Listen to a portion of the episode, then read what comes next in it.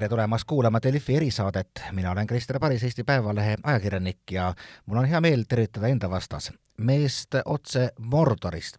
Anton Aleksejev, hea kolleeg Eesti Rahvusringhäälingust, kes just naases Valgevenest, kus no minu teada, ütleme ikkagi ajakirjanikke pole, välisajakirjanikke pole nähtud juba päris pikka aega.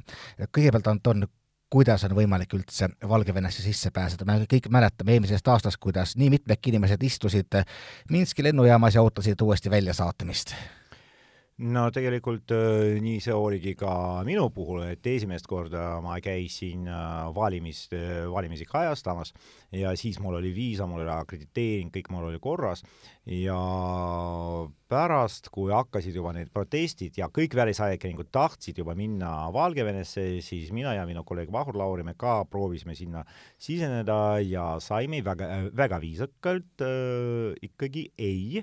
Ja meid saadeti kohe välja, me, meid ei pannud nagu, meile ei pannud passidesse mingid nagu mustad templid või midagi, aga asi on selles, et juba septembri lõpus, noh, umbes aasta, aasta tagasi äh, muutis või võttis äh, Valgevene välisministeerium uu, vastu uus akrediteerimiskord. Äh, ja siis äh, tõesti oli raske seda akrediteerimist äh, saada sest näiteks, et saada pikaajalist akrediteerimist, oli vaja esitada mingi oma mate-, materjalid, mis sa juba Valgevenes tegid.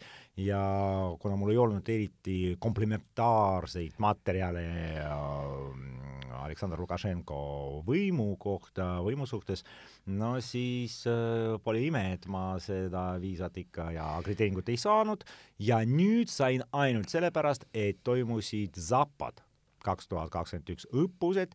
Ja kuna Valgevene ja Venemaa rääkisid palju õppuste läbipaist-, läbipaistvusest, siis äh, lubati nad ka välisajakirjanikke sinna. No sa peale õppust nägid ka ikkagi Valgevene elu kogu tema ehituses praegu. no missugune seal atmosfäär on, me oleme ju ka mõlemad käinud, mäletame omast ajast, kus noh, äh, jättes kõrvale kõik need hetked, kus äh, miitingud laiali peksti, olid pigem ikkagi sõbralikud inimesed ja, ja päris selline meeldiv rahulik elu, kuidas see praegu on? no põhimõtteliselt midagi ei muutu, ma arvan, et see ongi võib-olla Valgevene eripära, et äh, see on sellised konservid, elukonservid, et äh, midagi ei peagi muutma. ja nüüd näed Minski nagu ra raske ette kujutada, et aasta tagasi sa olid mingid valimised, et seal, seal võis midagi muuta, et tuli, oli tunne, et õhus on mingi revolutsiooniline selline tunne uh,. nüüd on kõik täitsa rahulik, inimesed käivad tööl, kõik on rahu, et mitte midagi muud na, nagu ei olnudki. üks äh, neist, kellega ma rääkisin, üsna huvitav inimene, Juri Voskresenski, ütles, et meid, meid tabas aasta tagasi mingi hullumeelsus. no lihtsalt hullumeelsus, no vot lihtsalt inimene, inimene mm, läheb hulluks, ise ei tea, miks, aga pärast nagu epileptia ja, ja pärast ups ja jälle no umbes sama, nagu meil kirjeldas üks poliitik laulupidusid sellise kollektiivse hüsteeriana. No ainult, et pärast äh, laulupidu Eesti vanglad ei ole lauljate täis no kuidas nende inimeste meeleolu on, kes siis ikkagi selle osalesid, mõned aktiivsemalt, mõned käisid niisama väljas, mõned sattusid vangi. ma sattusin vaatama, ju Aktuaalses Kaameras oli lugu, kuidas üle kahesaja on palunud armu ja ma saan aru, et see ka aitab, et saab, saabki vanglast välja. no tegelikult küsimus oli selles, et äh, kes sellest rääkis ja tõesti, see protsess on, on alanud. Äh, kes sellest rääkis? sellest rääkis seesama Juri Voskresenski, kes oli äh, selline noh, poliittehnoloog või iga, igal juhul ta oli äh, Viktor Babariko, selle peamise opositsiooni kandidaadi, nagu Lukašenko konkurendi äh,, valimisstaabis. ta ei olnud nagu esirindel, ütleme nii, esiplaanil, aga mm, tema ikka sai äh, vangi, sattus vangi koos vaba, juba pärast valimisi, pärast Äh, hääletamispäeva ja istus ja just tema oligi selle Lukašenko kohtumise initsiaator, äh, vot kus oli Babariko, kus olid teised, äh, keda peeti kinni ja tema pärast, ta on praegu, praegu, ta on siiamaani, ta on äh, menetluse all nagu mm -hmm. ta, ta on kahtlustatav, ütleme nii, ta, ta, tal on oma protsessuaalne staatus. samuti nüüd ta räägib, et tegelikult vot meid tabas hullumeelsus, et Aleksandr Lukašenko on kõige targem ja teeb kõik õigesti, kõik Valgevene kasuks ja isegi ta osu-, osaleb praegu põhiseaduse komisjoni tööl. kujutage ette, vot nii. vot nii, aga, aga kui palju sul õnnestus kohtuda inimestega, kes Lukašenka juttu ei räägi praegu? No kohtusin ja ma nägin, et äh, need lood on äh, tõesti väga kurvad. et äh, eeskätt näiteks seal on praktiliselt nagu keelatud ükskõik mis nagu kodanikuaktiivsus, selles mõttes, mis ei ole sanktsioon, otseses mõttes sanktsioneeritud äh, võimu poolt. ja siin on see küsimus, et kes on need, kes sattusid vangi. näiteks Valgevene nagu õiguskaitsjad, kes on peamiselt kuskil välismaal juba noh, opositsioon välismaal, räägib, et praegu on kuussada seitsekümmend viis, ta oli kuussada kuuskümmend, siis jälle keegi sai juba karistuse, juba on kohtuotsus juba tehtud. Ja siis kuussada seitsekümmend viis poliitvangi aga pluss on äh, näiteks inimesed, äh, aga sama Jüri Voskresenski ütleb, et tema andmetel on peaaegu kaheksasada neid, aga kokku on algatatud äh, üle viie tuhande kriminaalmenetlust. ja see tä-, ja see tähendab, et igas kriminaalasjas ei ole nagu, näiteks üks inimene, vaid neid võib olla neli, võib-olla viis, et mingi grupp, mida miilits pidas kinni, viis ja nii edasi ja muidugi seal on äh, paljud, kes ei tegelenud üldse nagu poliitikaga, kes ei olnud kuskil valimisstaabis, näiteks Tihhanovskaja või Babariko valimisstaabis, kes ei tegelenud poliitikaga, kes lihtsalt liitusid äh, selle protesti, protestilainega ja nemad jaa, võib-olla äh, puhas juhus nagu niimoodi ebaõnnestus neil, vot sattuda sellise võimu teerulle alla. Ja pole ime, et nad äh, kirjutavadki need äh, armuandmispalveid. jaa, et, kui ma saan aru, et, et nii-öelda võimukirve ripub pea kohal, et kui tahetakse, lastakse käiku, kui, kui, kui ei taheta, siis, siis mitte, et et ei, tegelikult karistamine võib-olla polegi eesmärk omaette võimudel uh,. Siin on no nii ja naa uh,. eeskätt uh, selge, et näiteks see on omaette karistussüsteem, et näiteks inimene saab mitte ainult vangistuse, vaid saab ka mingit trahvi, et näiteks tema blokeeris äh, transpordiliiklust äh, kuskil, et Minski mm, linnatranspordiamet äh, annab ta samuti kohtusse tsiviilhaagi raames ja nõuab ka mingit kompensatsiooni, jah. ja see kompensatsioon võib ületada kokku või, või neid omoonlasi, jah, et märulipolitseinikud, kes ütleb, et jah, ta tõukas mind või, või vigastas mind, mingit ekspertiisi ei olnud, mis, kuidas inimene käib, midagi ei ole, aga ikkagi äh, see omonlane on kannatanud ja nõuab ka endale mingi kahjumit. ja kokku näiteks inimene, kes teenib, ma ei tea, viissada euri näiteks äh, kuus, peaks, võiks äh, olla võlgu riigile äh, no ma ei tea, neli-viis tuhat euri, vot mine maksa seal, kust seda võtta. ja on juba juhtumid, et käivad kohtutäiturid ja konfiskeerivad näiteks mikroahjud, telekad, autodest rääkimata ja isegi mitte need, mis on, mis kuuluvad otse vaid neile vaid ka perekonna omad? perekonna omad jaa, ja kui, ja kui küsitakse, inimene ütleb ei, ei, see ei ole, ei tea, abikaasa on näiteks vangis ja naine ütleb, et ei, ei, see ei, see ei ole tema oma, see on, see on minu oma, see mina ostsin, öeldakse, no näidake dokumendid, et see on teie oma. no kust, meil, meil ei ole nagu mikroahju mingi registreerimistunnistust, kus oleks kirja pandud, et see on Krister Parise või Anton Aleksejevi oma.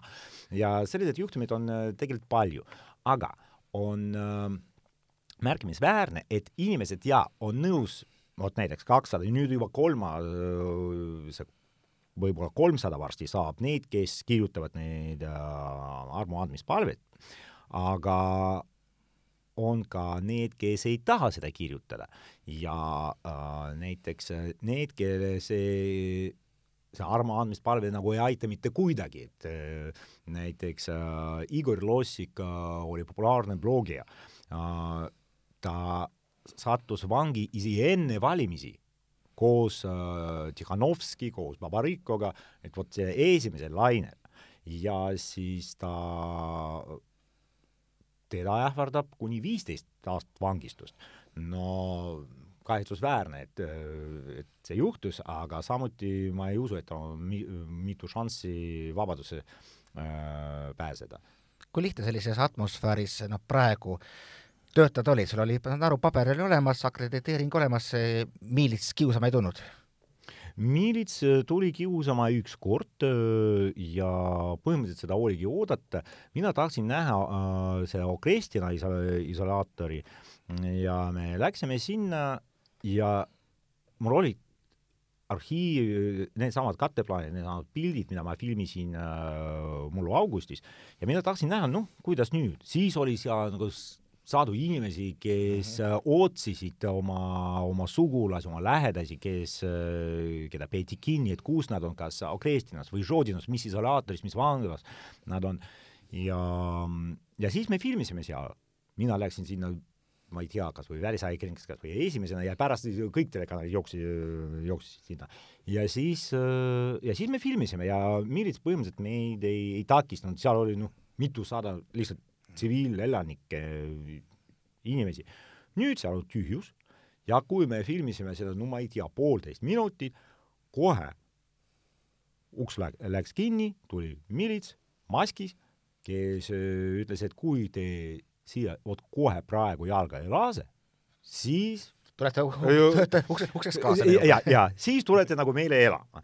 no vot me, meil ei, ei ole vaja kaks korda vot selliseid asju ütlema, me ütlesime okei okay,, хорошо, мы ушли ja me läksimegi ära. see oli üks kord, äh, kui inimesed, äh, no kui vot oli selline meie kohtumine, ütleme, kontakt äh, miilitsaga, muidu kõik oli üsna, üsna okei okay., no välja arvatud, et äh, piiri peal meid äh, kontrolliti põhimõtteliselt tund aega kui me nüüd räägime nendest, kes äh, on ka armupalus, seesama Oskar Essenski oli ühes telelõigus, mis rääkis, mis rääkis nendest siis noh, ma ei tea, Iraagist ja mujalt Araabia maadest pärit turistidest, mm, jutumärkides, kes on, kellest on osa, osa jõudnud ka, ka Leetu.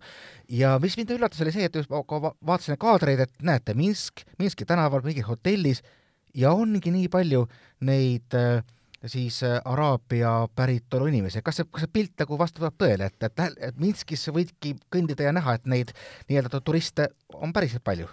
tegelikult äh, see on,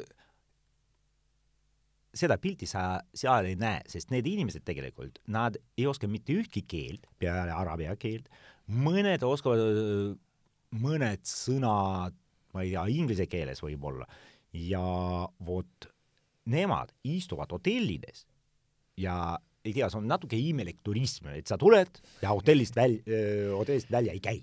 Vot lihtsalt sa istud hotellis. Nad istuvad hotellis, nad käivad näiteks KFC-s või Burger Kingis, ostavad mingid, mingit sööki ja siis äh, lähevadki tagasi hotelli, tulevad hotelli tagasi. et äh, hotell Planeta, mida sa, sina ise pead mäletama, me elasime sinuga seal aastal kaks tuhat kümme, vot see hotell Planeta on tegelikult vot sellist, selliseid turiste täis. muidu ühes kaubanduskeskuses me nägime üsna rikka nagu araabia pere, et naised hidžaabides, mehed kostüümides, vot nemad küll ei olnud eriti nagu sarnased nagu põgenikele. Need, keda me nägime siin, juba planeetas, vot nemad ongi äh, sellised imelikud turistid, imelikud turistid ja neid on tõesti Minskis palju. mis mulje sulle jäi, et noh, siin nagu Lääs räägib äh, et Valgevene režiim noh, vastuseks sanktsioonidele organiseeriski, tekitas sellised kanalid, hakkas tooma noh, nii, nii-öelda turiste ja siis neid jõuga suunama Leedu piiri peale, et tekitada kaost, et on nad siis nii-öelda selle osa sellisest režiimi plaanist? Võib-olla, võib-olla. mina võin rääkida ainult sellest, mida ma ise olen näinud ja ise ma näe-, nägin näiteks ja sain teada, et need smugeldajad Need ei ole Valgevene mingi võimuorganid, činovnikud, ametnikud. Need smugeldajad on tegelikult samad araablased, see on tõesti rahvusvaheline maffia, mis on täitsa olemas ja mis tegutseb. ja Valgevene lihtsalt ja Aleksandr Lukašenko lihtsalt tegi akent lahti no ja, ja et, et, et kui ta, tahate võtta hotelli Planeeta, palun väga. jaa, et nad tahavad, palun väga, et nad kõik tulevad, nad ostavad lennujaamas viisa, et see, see turismireis, see nädalane pakett maksab äh, tuhat daala, no see on see, mis on ametlik hind, et äh, seal sees on hotell, on lend ja seesama pluss see Valgevene viisa. viisat nad saavad, kui neil on hotelli broneering, kui neil on mingi, mingi raha kaasas, mingid vahendid kui neil on äh, näiteks äh, äh, see kindlustus, reisikindlustus, siis ilmselt nad saavad, saavad äh, Minskisse tavaliselt nädalaks, lähevad hotell Planetasse või teise hotelli, hakkavad seal midagi ootama. ja siis me nägime, et jaa, tõesti, üks selline kahtlane mees, kelle ju, kelle juures nad kõik käisid mm. -hmm. ja see mees, erinevalt oma noh, kaasmaalastest jaa, me isegi ei tea, kas on ta nende kaasmaalane uh,. vot see mees rääkis mitu keelt tegelikult ja me kuulsime ükskord, ta rääkis äh, telefonis, ta rääkis inglise keeles, siis ta rääkis uh, natuke vene keeles, siis uh, ta rääkis araabia keeles ja siis ükskord ma kuulsin, kuidas mees rääkis türgi keeles või ma ei tea, noh, mingi mm -hmm. ühesõnaga, no vot see mees ütles, et tema ei tunne siin kedagi, kuigi oli näha, et tunneb küll. ja tema on lihtsalt ärimees, tal on siin Valgevenes oma äri ja ta kuradi nendega nagu ei ole absoluutselt seotud. see, mis, mida tegi Aleksandr Lukašenko, et see pärast seda, kui seda Ryanairi sundmaandumist ja, ja pärast seda, kui Euroopa pani Valgevene õhuruumi nagu kinni ja Belavia Valge, Valgevene lennukompanii oli tõesti äh, peaaegu pankrot, pankrotiga ja pankrotiks läinud, vot siis äh, nad kohe mõtlesid välja selle skeemi, et nad hakkavad lendama näiteks kuskile, vot, Lähis-Idasse. ja hakkasidki lendama ja lendasid äh, nii palju, et äh, kohe nagu hakkasid tulema need turistid, hakkasid lendama ja siis juba piiri peal. no ja varem oli nii, et äh, valgevenelased äh, kaitsesid oma piiri väga-väga tublisti. nüüd, nagu seesama Juri Voskresenski ütleb, et noh, me vaatame läbi sõrmede, sest äh, mul ei ole nagu ressursse. ressursse ei ole, sest tõesti, piirikaitse on see kahepoolne koostöö, et äh, nii ühelt poolt kui ka teiselt poolt piirivalvurid peavad olema kontaktis, et äh, keegi illegaalne migrant äh, ei saaks selle nagu piiri illegaalselt üle. nüüd äh, valgevenelased nagu vaatavad, et noh, kui keegi kuskile sinna läheb, siis ükskõik. ja siis äh, ainus käsk mis nad said äh, Aleksandr Lukašenkolt, oli see, et, äh, et tagasi keegi illegaalselt meie territooriumile nagu ei tuleks. ja siis nad täitsa tõsiselt süüdistavad Euroopat sellest, et Euroopa püüab kuskil, paneb kinni neid migrante oma territooriumil kuskil Leedu, keset Leedu või Poolat, toovad neid, nemad, me Poola piirivalvurid tagasi bussidega piiri peale. bussi, piiri peale ja tõesti nad, kui näha neid, vaadata need videod, mida Valgevene piirivalvekomitee nagu jagab ametlikult, siis sa näed, et jah, tõesti, Poola piirivalve, eriti poolakad on neil praegu nagu moes ja pildil, poolakad, Poola mingi jõustruktuurid, mingi piirivalvurid, inimesed nagu uniformis, kamuflaažis, automaatidega, toovad ja konvoeerivad neid põgenikke ja tõesti pressivad neid vot vastu mm -hmm. Vot neutraaltsooni, et davai, mine sinna. probleem on selles äh, tegelikult ja siin on raske äh, Valgevene see Anton Põškovskile, kes on see piirivalvekomitee esindaja äh,, vastu vaielda, et ja tõesti äh,, kui inimene satub sinu territooriumile ja ütleb, et mina olen põgenik, mina taotlen äh, varjupaika, siis peab siis, taotluse vastu võtma. just, ja siis sa võid seda, seda inimest panna kuskile, kuskile laagrisse, et las ta ootab ja kui ta ei vasta kriteeriumidele, siis sa pead, oled vaba, võid teda deporteerida ja välja saata. kas või samas Valgevenesse, kus, mille territooriumilt ta nagu sisenes. no probleem on selles, et neid on nii palju, et neid, nende ülalpidamine, ma saan aru, et Leedu riigi jaoks on tõesti väga-väga selline raske ülesanne ja see, aga fakt on see, et ja tõesti ei poolakad ega leedulased ega lätlased ei võta neid, neid äh, neid, neid, neid ta taotluse, taotluse vastu. Ja sellest, sellest on meil ka siin teistes saadetes juttu olnud, et ütleme, nende end, endale võetud humanitaarkohustuste täitmine on pehmelt öeldes küsitav. aga ütleme, needsamad siis noh, turistid, keda Zelinskis nägi, mul eelmise kaadrisse mul jäi mulje, et mõni mõnedki ainult tõsi araabia keeles, aga nad ikkagi rääkisid oma raskest elust Iraagis ja nad tegelikult ei teinud nagu suurt saladust sellest, milleks nad seal on. Äh, jaa, kuigi kui ma monteerisin selle loo, siis mulle jäi mulje, et kui me lihtsalt loeme nagu loo skripti, siis me näeme, et nad kiidavad väga heaks Valgevene, et tekib tunne, et nad tahavad hoopis Valgevenesse jääda. ja meie hotellis näiteks algusest peale ei olnud neid araablasi, aga pärast ilmselt juba enam-vähem nagu oodavad hotellid said täis või kohti ei olnud ja meil ka tekkis üks noh, kümme-viisteist inimest, selline kogukond juba viimased on paar-kolm päeva ja ja siis äh, see hotelli administraator ütles meile, et äh, no vot, nad juba vaatavad äh,, kui palju siin meie korterid maksavad, autod maksavad, et kuidas, kui palju maksab korteri üür, kui palju maksab auto üür, rentimine, et no vot, juba nagu, nagu vaatavad. Et no muidugi isegi võrreldes Iraagiga, ma arvan, isegi Valgevene on okei. okay no ilmselt küll, et see, see on ka üks Euroopa väited, et noh, tegelikult Valgevene ebameeldiv režiim, aga ikkagi peaaegu et turvaline koht. aga räägime veel natuke siis ka sellest Zapadi õppusest, kus, mis oli ametlik siis põhjus sinna minna, et minule jäi mulje, et sel korral vähemalt Euroopas küll pöörati sellele avalikus meedias oluliselt vähem tähelepanu kui, kui kaks tuhat seitseteist, et mis oli see sõnum, mis sinu meelest siis need kaks riiki nende, nende õppustega konkreetselt välja saatsid? Ametlikult uh, vot lõputseremoonial öeldi, et nüüd kaks riiki, vot relvajõud, armeed, näitasid, et nad uh, võivad tublisti kaitsta liitri-, Vene, Venemaa, Valgevene liitriiki ter-, territoriaalset terviklikkust. Et jah, sellega nagu probleemi ei ole, et nad näevad äh, muidugi oma naabrit nagu noh, potentsiaal, nagu potentsiaalne oht ja, ja see vastabki võib-olla tõele, et äh, me, me samuti vaatame, et see on potentsiaalne oht, kuigi võrreldes kaks tuhat seitseteist ma võiksin öelda, et siis me kartsime või peateemaks oli see, kas Vene väed lahkuvad Valgevenest või ei lahku.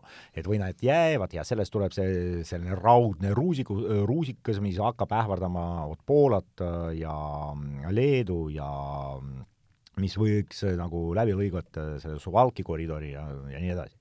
aga äh, nüüd nagu sellised hirmud, nagu siin me nagu eriti ei näinud, mina vähemalt, ja põhimõtteliselt äh, Martin Herem ütles näiteks, et ta, ta ei olnud eriti nagu mures, see, et, et mingid no see ei ole nagu meie leksikonist sõnavarast see, selline sõna, aga Venemaal küll nimetatakse midagi ta-, selliseid nagu lääne avaldusi või hirm, hirmud nagu hüsteeriaks, aga no ikka see, seekord ma ei, seekord ma ei ütleks, et äh, läänes oleks mingi hüsteeria selle Zapadi äh, kohta. aga, aga Valgevenes endas, et on arusaadav, praegu on ta surutud märksa rohkem tänu Lukašenka käitumisele vastu Venemaad, Lukašenka ise käis nüüd ka aasta jooksul vist juba kuuendat korda Moskvas, tagasi tulles noh, mingisugust nagu sellist äh, selliseid avaldusi ei tehtud, et nüüd kohe tead umbes neelab Venemaa Valgevene alla, et, et mis, mis tundega praegu tegelikult nagu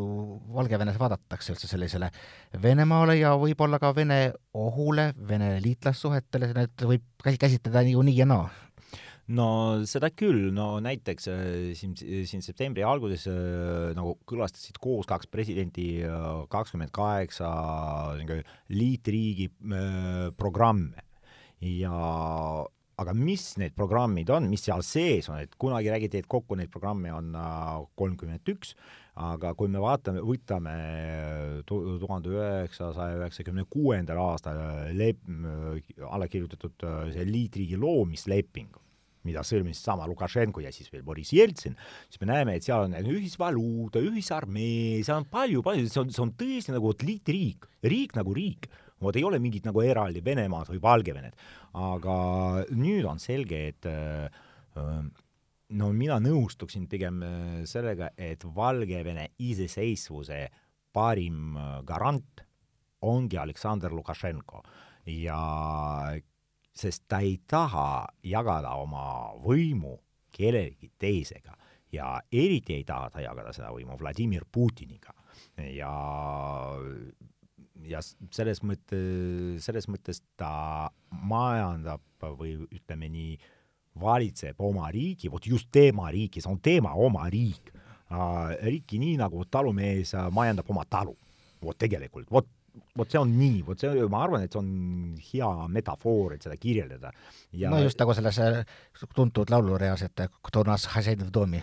no jaa, muidugi äh,. ja ja siin on huvitav see, et äh, et jaa, Venemaa seda, seda vaatab ja tundub, et ju paljud Valgevene, Valgevene majanduse kõige nii-öelda ma-, magusad nagu osad, nagu näiteks kaaliumitööstus ja Belarus Kali äh, või muud, et nad praegu, nad on praegu sanktsioonide all. ja see on selline toxic active, ja see on see, see tõi mürgitatud aktiiv, et kuidas sa neid näiteks, no okei okay,, tuleb ühis nagu kapitalide tur-, turg ja et venelased saaksid vabalt investeerida mm, Valgevenesse. no millega see lõpeb? lõpeb sellega, et näiteks Uralkali, ka suur kompanii, ostab Belarus Kali, teised ostavad teisi, keegi ostab Maz, Belas, Grodno Azot, Belarus Neftihim, Moseri naftatööstuse ja nii edasi. ja ja, ja sellega kaob äh, Aleksandr Lukašenko ja tema riigi, tema süsteemi mm, äh, tugi. ja muidugi Aleksandr Lukašenko ei ole selles absoluutselt huvitatud. et see ei saa, seda ei saa venelastele nagu, nagu pakkuda, venelastele anda. ja selles mõttes äh, ma usun küll, et ta hakkab saboteerima see, seda nagu vot, ja selle lähenemine, lähenemise Venemaaga et, et see peamiselt ja Venemaa näeb seda ka samamoodi ja mõtleb, et no kuule, praegu võib veel oodata ja ainus asi, et Lukašenko palus seal miljardit aastas, sai praegu kuussada nelikümmend, nelikümmend miljonit dollarit Venemaalt aastas. ja pluss seal on ka Ostrovetskaja või Belarusskaja ja Valgevene tuumajaam mi-, mis oli ehitatud ja, ja projekteeritud, et müüa elektrit äh, Euroopale, Baltimaadele, aga nüüd sanktsioonide tõttu, et kuhu ta, kuhu see, see elekter hakkab äh, minema.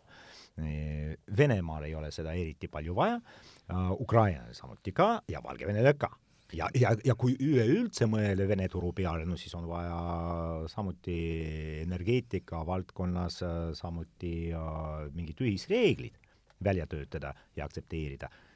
ja, ja jälle tekib küsimus, kas ega ei kaota sellega Valgevene osa oma suveräänsusest?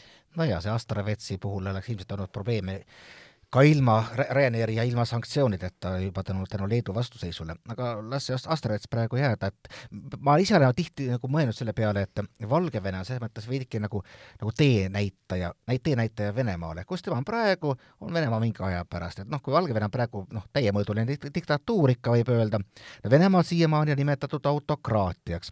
nüüd toimusid Venemaal tuumavalimised ja noh, näiteks ma ei tea, meil Äh, Päevalehes kirjutas Vladislav Inozemtsev, et noh, tema meelest olid need viimased valimised, et võimud näevad, et rahva tahe ja nende tahe on juba nii lahku läinud, et enam rohkem ei maksa sellist valimiste eksperimenti korraldada, et mis, mis tunded sind valdavad?